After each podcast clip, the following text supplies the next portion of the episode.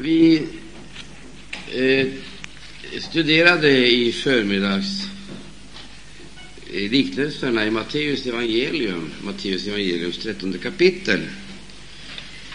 Och jag betonade då speciellt tre av de här liknelserna som ger oss vägledning, en väldigt, eh, en väldigt viktig vägledning.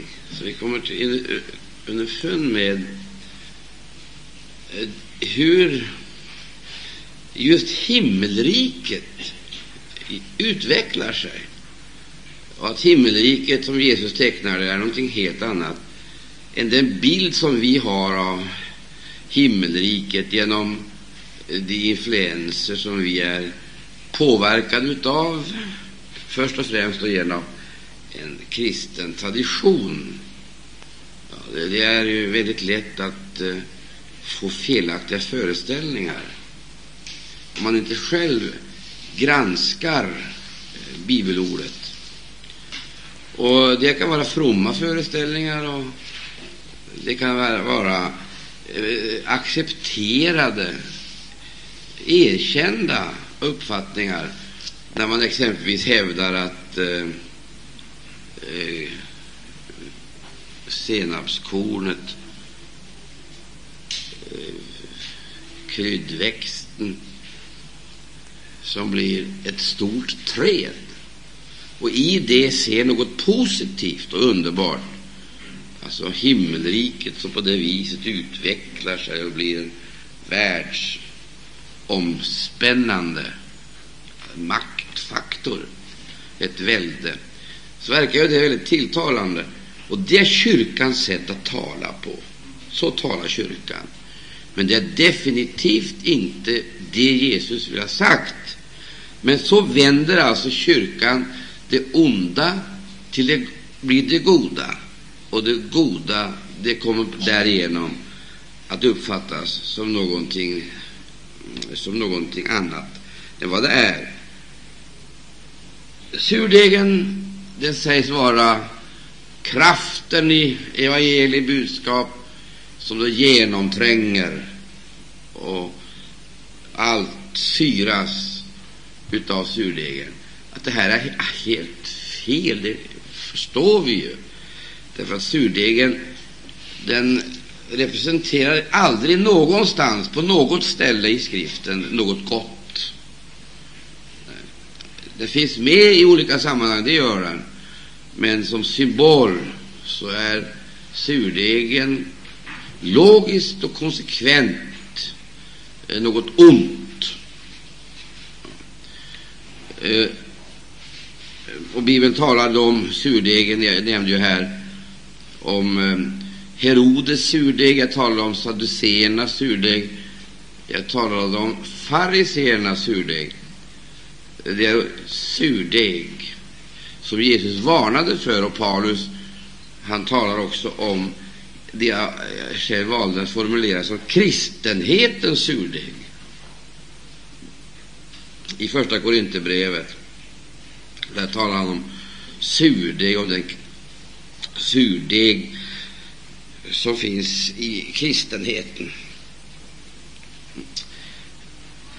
Jag nämnde också när jag talade om detta, att det äkta och det oäkta, det äkta vetet, det, det äkta och det oäkta, det såddes på samma åker. Ja.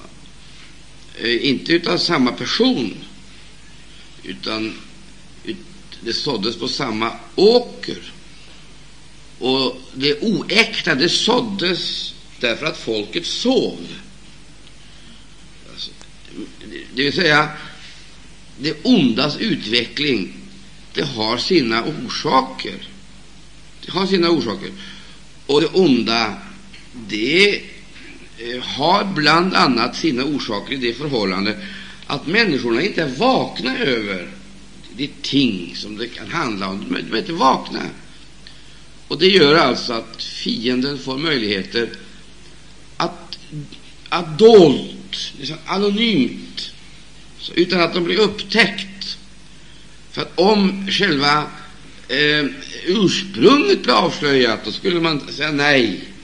Men eftersom själva ursprunget inte blir avslöjat, eh, utan det döljer sig, gömmer sig för slumrande eh, människor, människor som saknar tillräckligt hög beredskap, så sprids det oäkta och det får då sin näring på samma åker, den plöjda, härvade, gödslade och besådda åker. Det får alltså sin näring på samma åker. Och det växer efter samma princip. Det är ingen skillnad på växande slag. Det växer. Så länge det har näring så växer det. Och då upptäcker vi också att allt det onda har sin förutsättning i det goda, det vill säga det är faktiskt det goda som ger näring åt det onda. Därför att man ger rum för det. Ger rum för det. Och man ger rum för det oftast därför att man inte är medveten om ondskans ursprung. Och därför har man heller inte riktigt, är man heller inte riktigt medveten om arten. Så växer det tillsammans med det andra och när sig. Och inte ens tillväxten i sig själv något som helst bevis på äktheten, utan det visar sig först vid mognaden i mognaden. Och då kommer den dag som Bibeln kallar för skördetiden. Och vi har ju fått lära oss att skördetiden det är någon gång i den yttersta dagen. Men varje generation har sin skördetid. Det ska vi göra klart för oss. Varje generation har sin speciella skördetid. Och skördetiden det är ingenting annat än de väckelser som leder hela mänskligheten, men framför allt, skulle jag vilja säga, kristenheten in i uppgörelser. Det blir domsperioder. Domen begynner på Guds hus, det blir riktigt uppgörelse domsperioder. Och så kommer den här skilsmässan. Väckelserna leder till skilsmässa. Något samlas in, eller det som är sått, det, det, det äkta, det samlas in för ladorna. Och det oäkta, det blir knippen. Och då sa jag det handlar om partiknippen. Det vill säga, vanligtvis är det så att resultatet av de här väckelserna som går över mänskligheten, går över jorden, går över kristenheten, de leder så att säga i, till två motsatser. Det ena stannar i organisationer, organisationernas partiknippen. Och det andra, det bäras in i ladorna. Nu ska vi göra klart för oss att den här bristande vaksamheten, är jag helt övertygad om, den är förödande och den sammanhänger med att det saknas det profetiska ämbetet. Det, det, det, det är inte i funktion.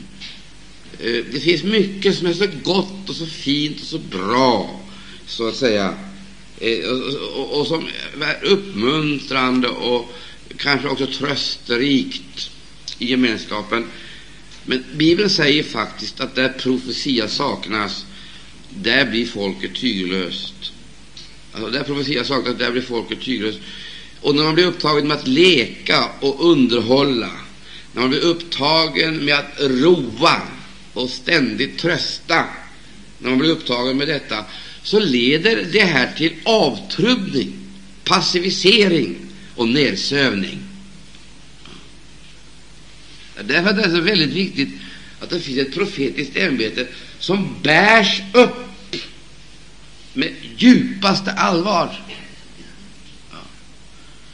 Med verkligt heligt allvar, detta profetiska ämbete. Vi vet ju, skriften gör klart för oss att när Mose eh, stred, eller när Israel stred med amalekiterna, eh, så så ser vi hur Amalek gjorde sina framryckningar då Mose armar sjönk, när han blev trött eh, och sjönk. Då gjorde Amalek sina framryckningar. Och ni förstår, älskade vänner, att fienden får dessa utomordentliga möjligheter och dessa tillfällen att utföra sina angrepp och göra inbrytningar ibland Guds folk, det beror på Guds folks försumlighet med avseende på bönen. Det här tycker jag är fruktansvärt. Och, därför, Eh, när då man upptäcker och jag upplever de här perioderna eh, av eh, nederlag eller inbrytningar, fientliga inbrytningar, då blir människor bitska, kritiska, knorriska. Istället för att söka orsaken så söker man en syndabock. Koncentrerar man då hela sin indignation och sin vrede emot någon ledare eller mot någon enskild person eller mot omständigheter. Och allt sammans är helt missvisande. För att det står klart att så länge Mose höll armarna upphöjda, då var det seger. Och när de sjönk, alltså, därför att det var inte utav stål och trä, de här armarna, det var inte av järn och metall. Det, var, det handlade om blod, det handlade om ben och eh, hud, det vill säga det, det, det var människor, och det finns egentligen ingen som är född för att hålla armarna uppåt på det här sättet. Nej, för armarna ska vara i vileläge. Men under stridsförhållanden och i krigsperioder, då är allt exceptionellt. Och då måste man inrikta sig på att leva helt annorlunda än vad man under normala, lugna förhållanden skulle göra. Ja. Och därför tvingades det fram nya ställningar och nya hållningar och nya attityder betingade av att man hade en verksam fiende som var färdig att göra inbrytningar. Det här är egentligen eh, ut, Eh, det, det, här är egentligen uttalat på annat sätt på många ställen i, i, i den heliga skrift, också i Nya testamentet. Men eftersom jag inte ska uppehålla mig där ikväll så nämner jag det här därför att vi ska få en bakgrund till det jag vill säga. Det, här, det, det finns någonting i denna, i denna ställning som markerar förbindelse med himlen. Men inte bara det. Det är inte bara att det markerar förbindelsen med himlen. Man kan ju använda armarna för att slåss med. Förstår du? Man kan ju använda armarna för att slåss och fightas med. På det sättet går det Men här lyfter man armarna för att demonstrera sitt beroende av Gud. Förstår du? Man kan ju gå till attack mot en och annan och vinna seger, kanske tillfälligt över en och annan. Men det är inte detta Gud förväntar sig.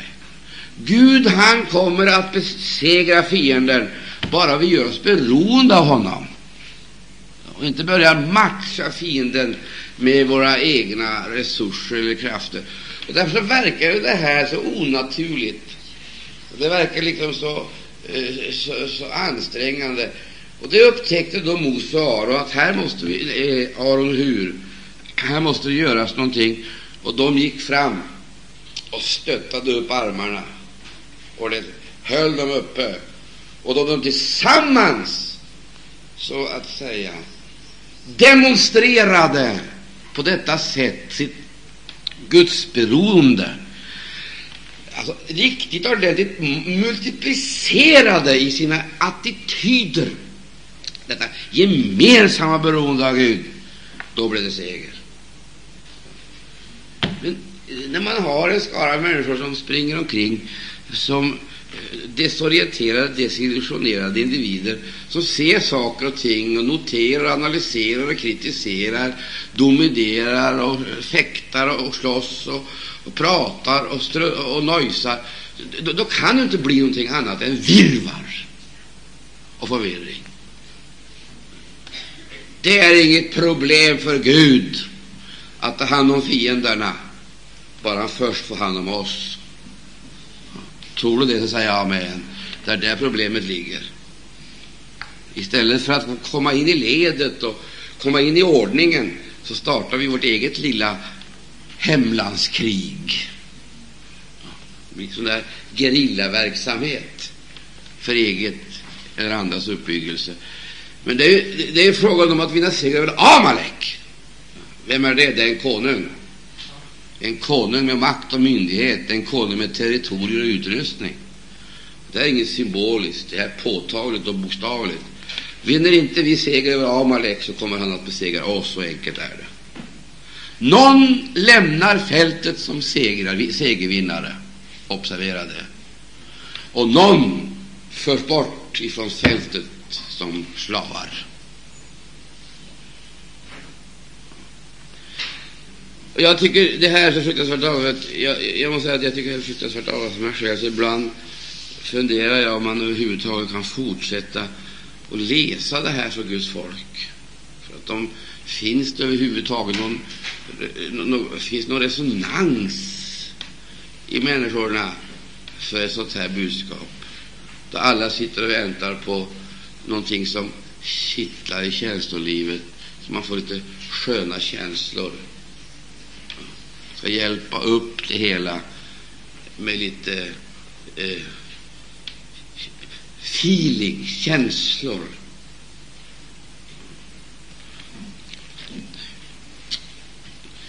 Så vi ska göra klart för oss att det äkta och det oäkta, det kan växa upp på samma åker. Och att det växer, det är inget bevis på någonting. Det är bara det att det är bevis på att det finns på åkern. Och att det finns näring i åkern. Och att det finns en växandes lag. Vad, det är, vad äktheten beträffar så visar den sig vid mognaden och inte förr. I mognaden, alltså inte på såningsstadiet eller grodstadiet, utan vid mognaden, då visar det sig äktheten. Och det kan se, det kan se defekt ut, saker och ting eh, som man ser. Det kan det göra med avseende på formen. Men eh, det är i sig själv inget som helst bevis på någon fel art eller ett felaktigt ursprung. Hur kan man se det i mognaden? I mognaden.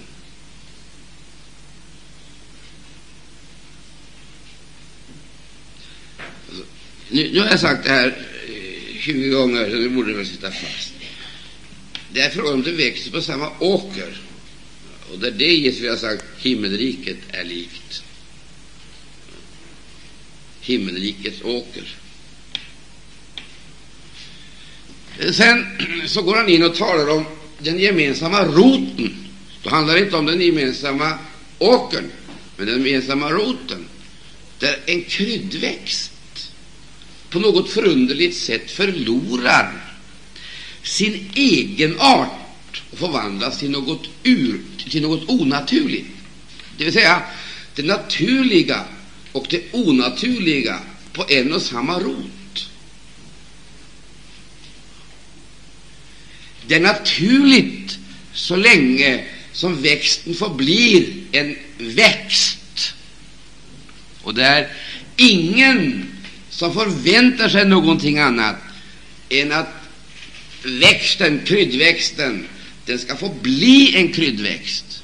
Men frestelsen, den kommer då kryddväxten, som observera, är större, som är större, där kommer det själva nyckelordet, som är större än alla andra växter. Större än alla andra växter. av någon förunderlig anledning övergår i en ny form och blir onaturlig.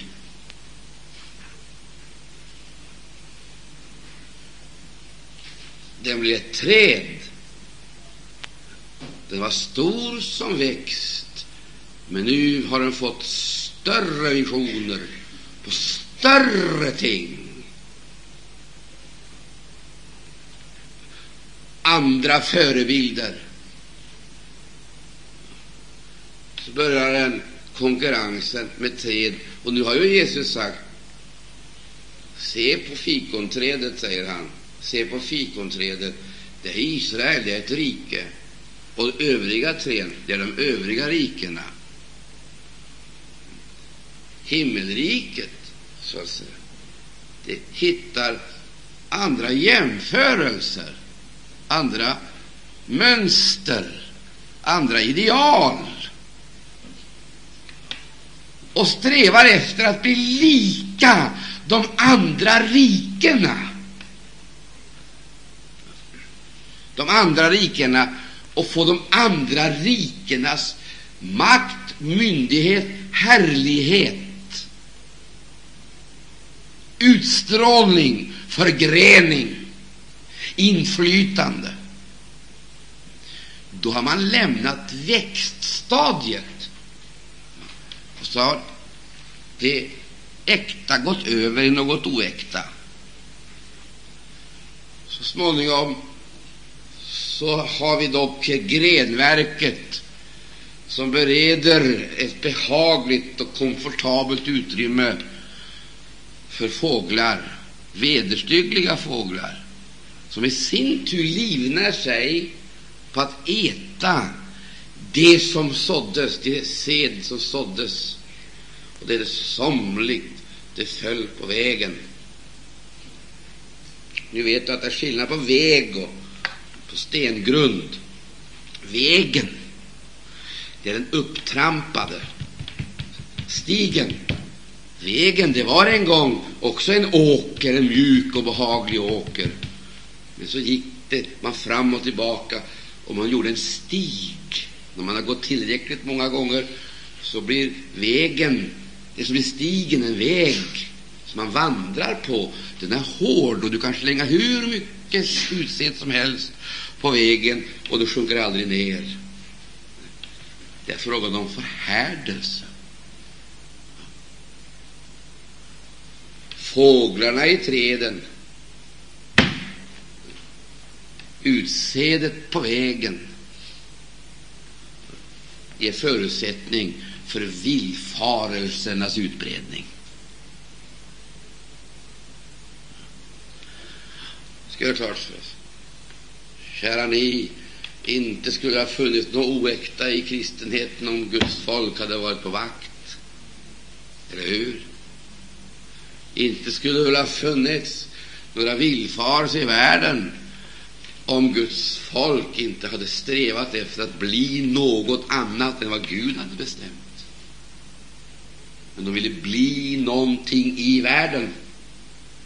Därmed så utvecklades man enligt andra lagar, lagar som gäller för den utveckling som världen kallar för framgång, men som betyder, som betyder Guds rikets totala förvandling.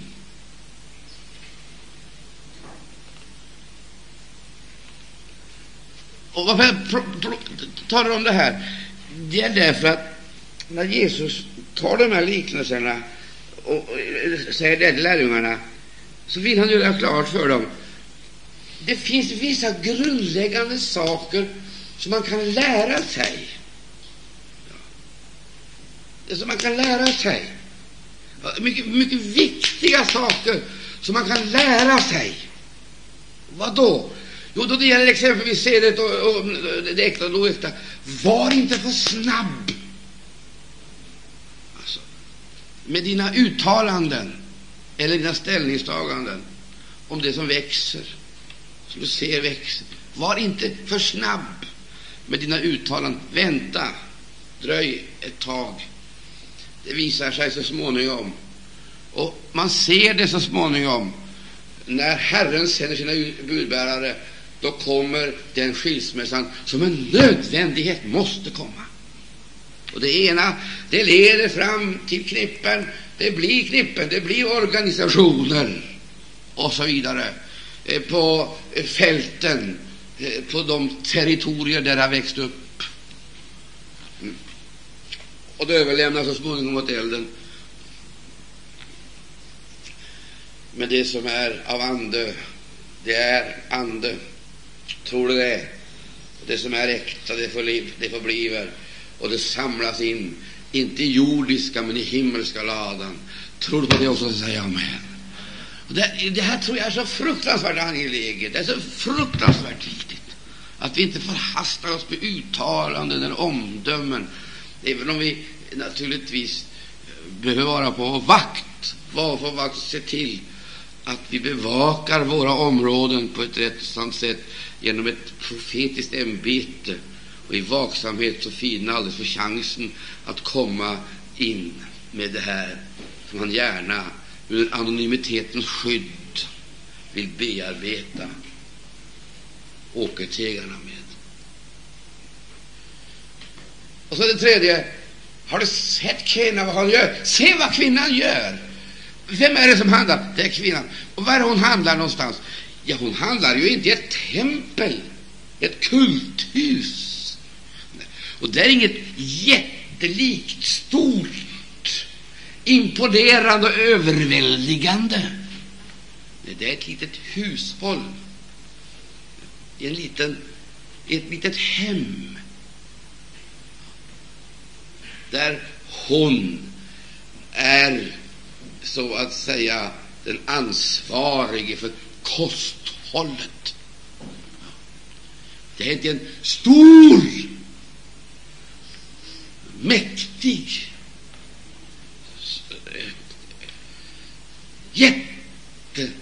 Restaurang!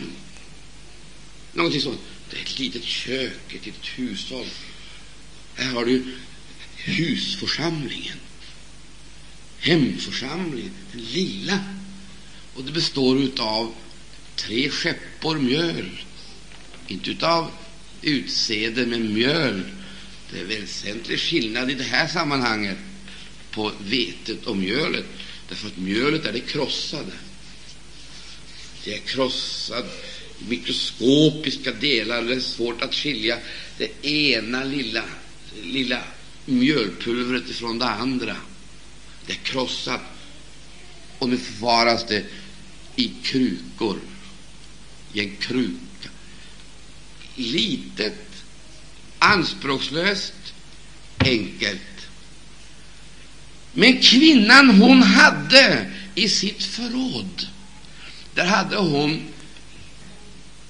där hade hon surdeg. Och då blir man genast misstänksam. Vad är surdeg för någonting? Jo, du vet, surdeg är ju ingenting annat än gammal deg. Det är gammal deg. Degen den går antingen till gräddning och blir bröd. Det är avsikten. Men det man förvarar i magasin förråden, det surnar. Så den här degen, den har sin upprinnelse i den deg som blev bröd. Den var med på vägen fram till ett bestämt stadium där det skildes ifrån den övriga degen och fördes undan. Den ena gick till gräddning och den andra blev surdeg. Och Det där tycker jag är fruktansvärt skakande. Och jag har beslutat mig för att nu ska jag inte göra som jag gjort tidigare när jag undervisat om det här. Lämna det för enkelt och lättvindigt. Utan nu ska jag hålla på till dess att jag hör någon kvittra om att nu har Herren talat till mig. Så skyndar ni inte era smältande här nu, så får ni höra det här varje timme. För jag tror att det här är så fruktansvärt viktigt, att vi lär oss att förstå att surdeg hör inte hemma i Guds rike. Definitivt inte. Och hur ska jag kunna skilja surdegen ifrån det andra? Ja, det du bör man veta. Du förstår, kristenheten, förstår du, den till och med du förstår, kristenheten, den avfälliga kristenheten, den lever på väckelsens rot. Den existerar på näringen som roten så att säga ger åt trädet, fast den var avsedd till tillväxt. Det, det, är. Och, och, och det oäkta, det sås på en och samma åker. Och, och vi tycker det faktum att det är sådd på den och den åkern, på Maranata-åker, Pingståker, som vi tänker i, i, i, i våra kategorier, det är liksom är en legitimation eller en garanti. Det är det inte. Frågan är vem det är som sår. Det är frågan. Vi måste kunna än ursprunget. Att det står på en och samma rad, det är inte någon som helst garanti för att det här är som det en gång har varit. Alla väckelser genom de här stadierna, alla. Det var en liten oansenlig kryddväxt, men det hade livets egen kraft och egenskaper. Amen. Och Jesus sa, det är minst av alla kor, men, säger han, det är tillräckligt mäktigt för att bergen att häva sig upp och kasta i havet. Ser du? Nu skulle vi kunna göra paralleller här. Senapskornet, vad är det till för? Jesus har sagt senapskorn har livets egenskaper och representerar en sån våldsam kraft så att det besegrar alla block.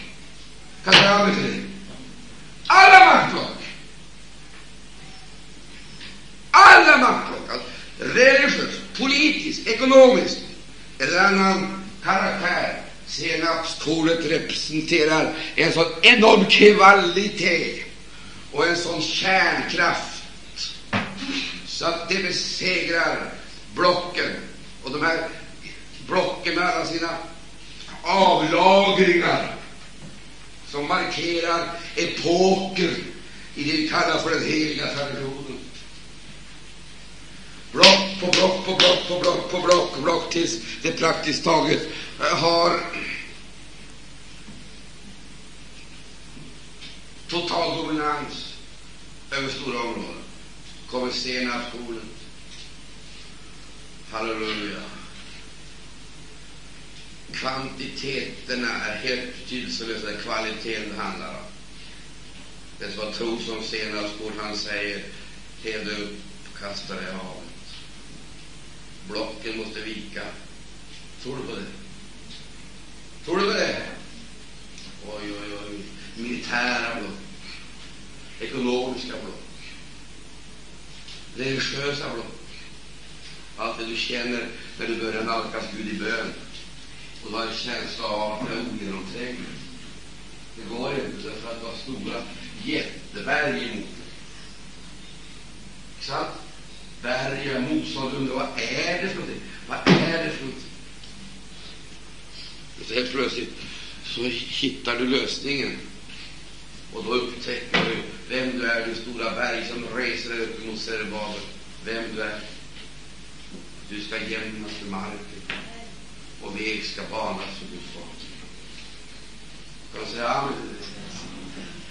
Här ligger den stora hemligheten. Det ska ni göra klart för er, mina älskade syskon, att den ena linjen, utvecklingslinjen, att få bli kryddväxt, har senapskornets egenskaper, makt och kraft, eller också att bryta den successionen och komma in i en verklig tradition. Hör du det? När man växer upp och blir en storhet inför världen. Med den makt och den härlighet eh, som världen kan erbjuda, för den är inte betydelselös. ska vi inte tro. Den har sina, den har eh, sina kvaliteter och sina egenskaper. Och den har sina funktioner och sina erbjudanden.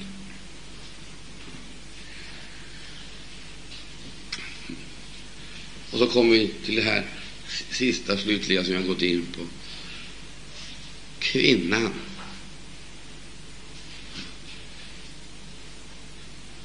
Som har gammal deg i sitt förråd. Se ut över kristenheten. Vad ser du för någonting? Traditionen av surdeg finns precis överallt. Och så fort det börjar växa fram, eller fort det träder fram någonting utav det uräkta, det lilla krossade, det är inte du. Man är ödmjuk för söka Gud på egen Mjöl, det krossade mjöl, det är, det är bilden på ett rimligt förkrossade människor. Och tre skeppor, det tyder och det talar om, det handlar om spisoffer som skulle bäras fram inför Gud. Det hade en speciell funktion för gudstjänsten, men också för gemenskapen. Den markerade något alldeles speciellt i gemenskapen, och den skulle vara absolut fri ifrån surdeg. Men titta på de kristna. De kommer surdegsjäsande till sammankomsterna. Surdegsjäsande, jag höll på att säga uppblåsta. Och Gud kommer aldrig till, för att de har varit i kontakt med den kristenhet som bjuder på gamla upplevelser, historiska erfarenheter, som alltså har något sammanhang med mjölet, men som istället för att bli bröd blev surdeg. Hela kristenheten är fylld av den här surdegen, och så fort det kommer ett, bara en liten ansats, en liten ansats, så är hon där. Kastar denna surdeg i mjölet. Hon nöjer sig definitivt inte med att det här ska få stå oförstört och utvecklas i överensstämmelse med Guds planer. Hon vet, hon har erfarenhet och hon har sina resurser.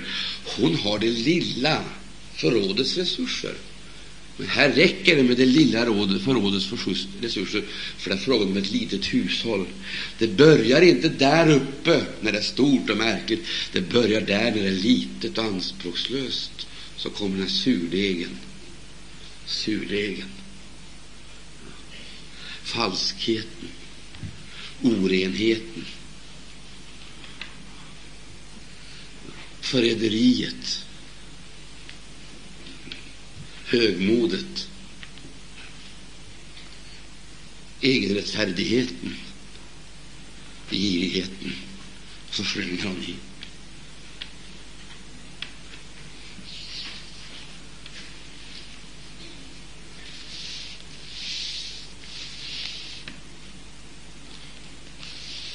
Jag skulle nästan vilja säga bevara ingenting av det du har upplevt.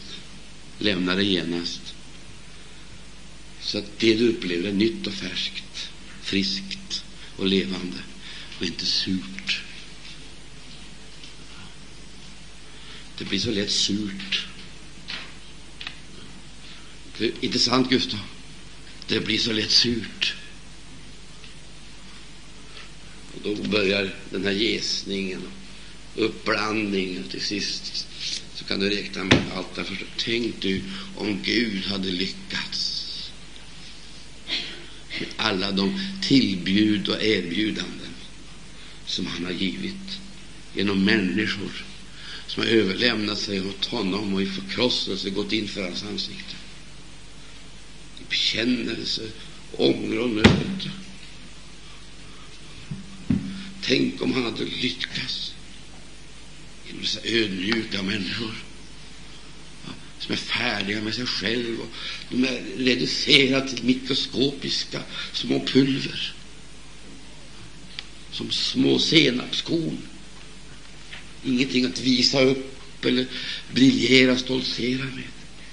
Tänk om Gud hade fått lyckas.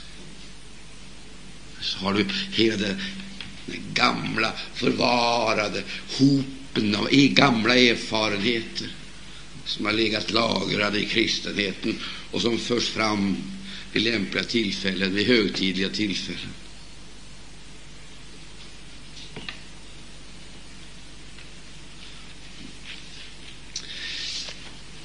Jag tror att det är väldigt viktigt att vi får klart för oss hur det, här fungerar. Vad vi nu har fått förstå oss av tredje gången, det är alltså dessa lagar som har med ursprung, natur, utveckling och tillväxt att göra. Det är frågan om livet, organismen, inte organisationen.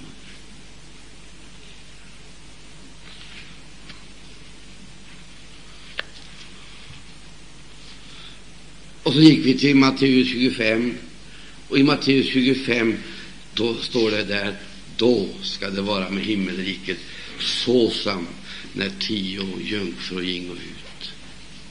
Och då vill jag betona en gång till, för att jag tror att det är otroligt viktigt. Jag vill, jag vill verkligen göra klart för att här, det här måste vi lära oss att gripa tag i. Då, det är inte när som helst, det är på det här sättet nämligen att tillståndet i, i kristenheten, det kan man först och främst avläsas, avläsa i tjänarna eller avlyssna i förkunnelsen. Avlyssna i förkunnelsen. Eh, jag ska, säga, jag ska berätta en hemlighet för er det är väl egentligen inte så märkvärdigt, det är väl egentligen självklart, men vi tänker väl inte alltid på det, eh, nämligen det förhållandet att eh, vi formas utav förkunnelsen. Ty genom förkunnelsen så får vi Kristus målad. Vi får Kristus målad för oss, och vi får alltså Kristusbilden, en Kristusbild. Det är likadant med alla. Kristenheten är fylld med människor som är påverkade utav budskapet och som har sina föreställningar, Kristusföreställningar, Kristusbilder. Och som på något sätt har skilt sig ifrån den stora massan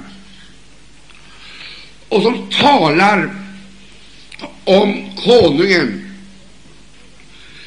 som har sitt advent väntar konungen. Då väntar konungen, och de har sina gudsrikesföreställningar. Man skulle kunna säga de har alltså en viss, verkligen inte betydelselös kunskap som har satt dem i rörelse emot ett mål.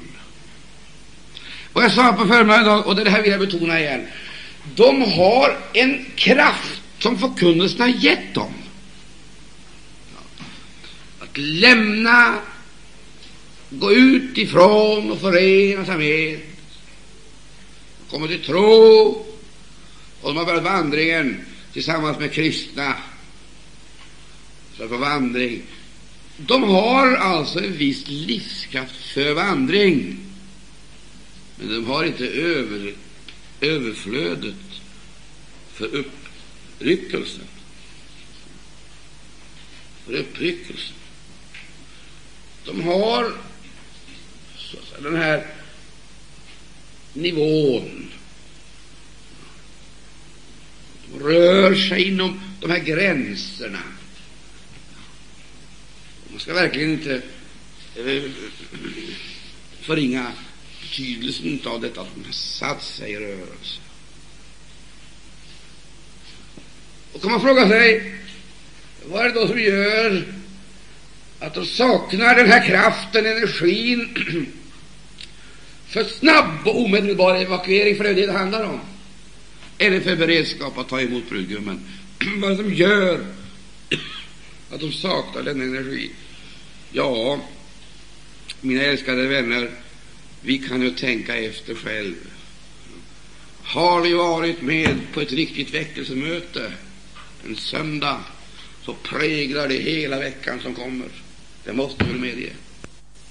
Har vi mött Guds ord på ett riktigt ordentligt sätt, så det har förnyat vår tanke och smort oss i den heliga Ande, renat vårt sinne, så präglar det hela veckan. Och vi har nästan en känsla av att käre Jesus, kom nu, för nu är jag i sanning beredd. Vad är det? Vad är det? Ordet har renat Inte sant? Men inte bara renat genom vattnets bad i kraft av ordet. Ordet har också, eh, ordet har också helat. Men inte nog med det att ordet har helat. Ordet har också uppenbarat löftena och möjligheterna att komma in i ett rikt Gudsliv. Och vad har det lett fram till? Ja, tänk efter själv. Har du varit med om ett riktigt ordentligt väckelsemöte och hört en riktig predikan, så känner du hur gott det gör. Och då har du mött Guds dom i ditt liv och gått in under domen, så upplever du frigörelsen. Och du kan upptäcka att förkunnelsen verkar hård, och det verkar nästan, det verkar nästan hotfull. Ja, men då du går in under sanningen, så gör den dig fri. Stämmer det inte? Och du känner Gud i himlen, du får ta till, du får ta till ännu mera. Bara jag får uppleva den här känslan av närgemenskap med dig. Den här känslan som är helt oersättlig. Det jag upplever att det inte finns någonting oss emellan. Så fort att det är någonting som finns däremellan, så verkar det passivitet och vanmakt på vissa områden, men dubbel aktivitet på andra. För just på grund av anklagelserna så stressas man. Man stressas och stressas och stressas och gör massor av saker som, man inte har något, som inte har något värde. När vi kommer in i denna harmoni som är vittnesbördet om ett möte med Herren Jesus Kristus, då går allting så lugnt. Man arbetar så lätt. Då känner man att Herre, det är, det är trångt på jorden, men din närvaro den gör allting meningsfullt. Men så kommer man in i det ordets förkunnelse. Man kan börja dagen på ett annat sätt, och med andra tankar, med en ny inriktning. Och man känner, åh Herre, det är förunderligt vad ditt ord bär igenom. Stämmer det inte? Ja. Men om denna förkunnelse inte kommer, när det inte finns detta profetiska besked som uppenbarar, avslöjar, belyser både människan eh, och hennes förehavanden, både jord och himmel och helvetets mörker, men samtidigt beskriver Frälsaren som den han verkligheten är. Då känner vi detta är sanningen, och den frigör oss. Då vi bekänner och bejakar det. Stämmer det inte? Men om inte den förkunnelsen kommer, då måste den ersättas med någonting. På något vis. Och finns det då ingen ersättning, så skaffar vi oss det. Och det blir mer arbete, mer stress, och det blir mer och mer och mer av allting annat som aldrig leder fram till någonting förblivande. Utan det blir så att säga rörelse, rörelse, rörelse, som, ingen, som inte är någonting annat än tomgång. Jag, jag ska berätta det, för den saken jag är inne på det här. Jag tänker inte sluta ännu. För det har jag lärt mig att det är ingen idé att tänka att man ska vänta till ett senare tillfälle. För att eh, det kommer vanligtvis inte. Det gör det inte. När Herren talar nu, så talar han till mig genom Anden för att du ska ha det här. Och du ska inte ha det imorgon, du ska ha det ikväll. Du ska ha med dig det hem. Därför så arresterar jag dig i Herren Jesu Kristi namn. Sitt kvar där du är tills jag har sagt Amen. Du, hör här, min älskade vän, hur viktigt det här är. När denna förkunnelse inte når oss, då följer heller inte ivern efter andliga realiteter. Vi ser dem inte. Det är genom förkunnelsen vi får syn på dem. Och då börjar vi söka efter dem. Detta innebär ett förfärligt en flummighet bland Guds folk, en osäkerhet och ett vankelmod.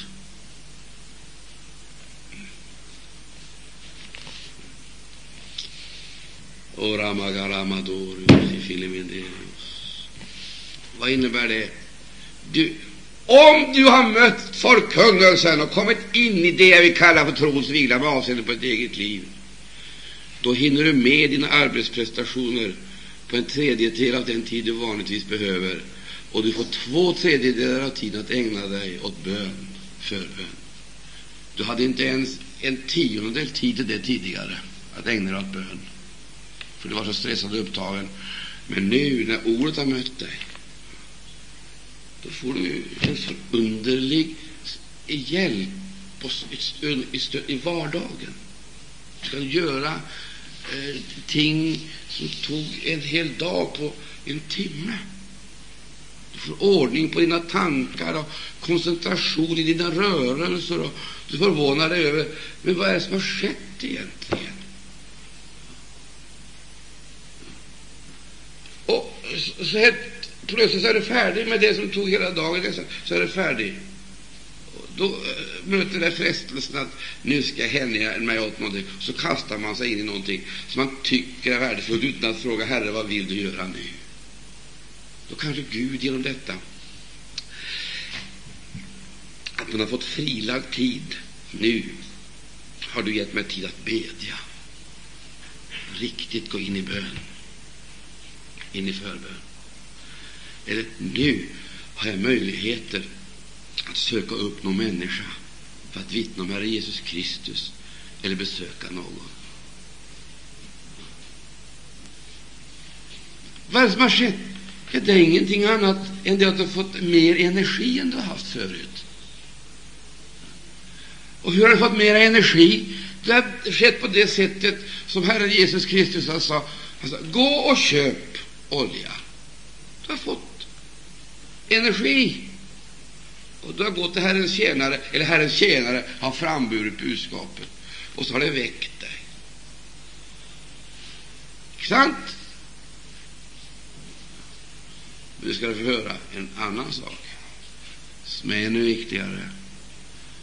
Det finns skalor av kristna i kristenheten som är i rörelse. Och det är det det handlar om här i, Mark, i Matteus 13. Där handlar det om organismen, om livet.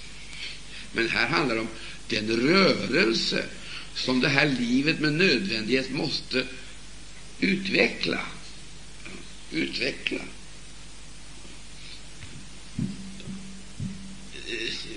Alltså, det handlar om tio jungfrur som tar sina lampor. Mm. Och det är heller inga märkvärdigheter, besynnerligheter, utan det tillhör också det vi skulle kunna kalla för vardagen. Enkla sysslorna. Och det, det, det, finns heller inget, det finns heller inget speciellt, speciellt i, i detta. Det är någonting som alla kände till, var medvetna om, att vid bestämda tillfällen, då gjorde man på det här sättet. Bröllopstillfällen. Då handlade man på det här viset. Så det här är ingenting som skedde en gång. En gång. Utan det här sker ständigt. Det sker ständigt. Jag skulle vilja säga det sker ständigt på det här sättet att människor liksom sätter sig i rörelse och kommer in i den här rörelsen. Gud var evigt lov. Så som uttryck för ett nytt inneboende liv börjar de handla på ett annat sätt, riktar målet mot en annan punkt, och så formar de en ny livsstil, ett nytt livsmönster. Och jag, jag blir så oerhört gripen när jag tänker på det här. På de skaror som gick ut med sina Messiasföreställningar och sitt adventshopp att möta konungen. Jag blir så oerhört skakad när jag tänker på De gick ut därför att de var tända av budskapet. De var påverkade av budskapet. Men det budskap som de fick, det, det var inte tillräckligt. Det saknade en väsentlig beståndsdel. Därför så gjorde de en hel del, men något det blev aldrig utfört. De var försumliga. Jag tänkte, de nådde inte fram. Tänk då dessa visioner som satt människor i rörelse ska upplösas i evig besvikelse. Jag mäktar inte att tänka den tanken. För varenda en, antingen det där missionsförbundare eller baptist eller någonting annat, representerar någon försakelse. Något har man tagit avstånd från. Något har man av förväntningar. Nå något har man av hopp. Stämmer det inte? Och det är förkunnelsen som har väckt detta inom dem. Och de har fått, så att säga, vad jag skulle vilja kalla den här grundenergin. Men saknar överflödslivet. För börja vandringen, men energin räckte inte till för uppryckelsen.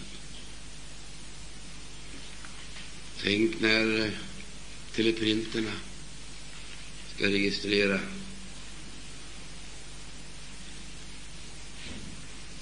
Tänk när teleprinterna ska registrera detta faktum. Då eh, profetia har blivit historia och Jesus är uppenbar.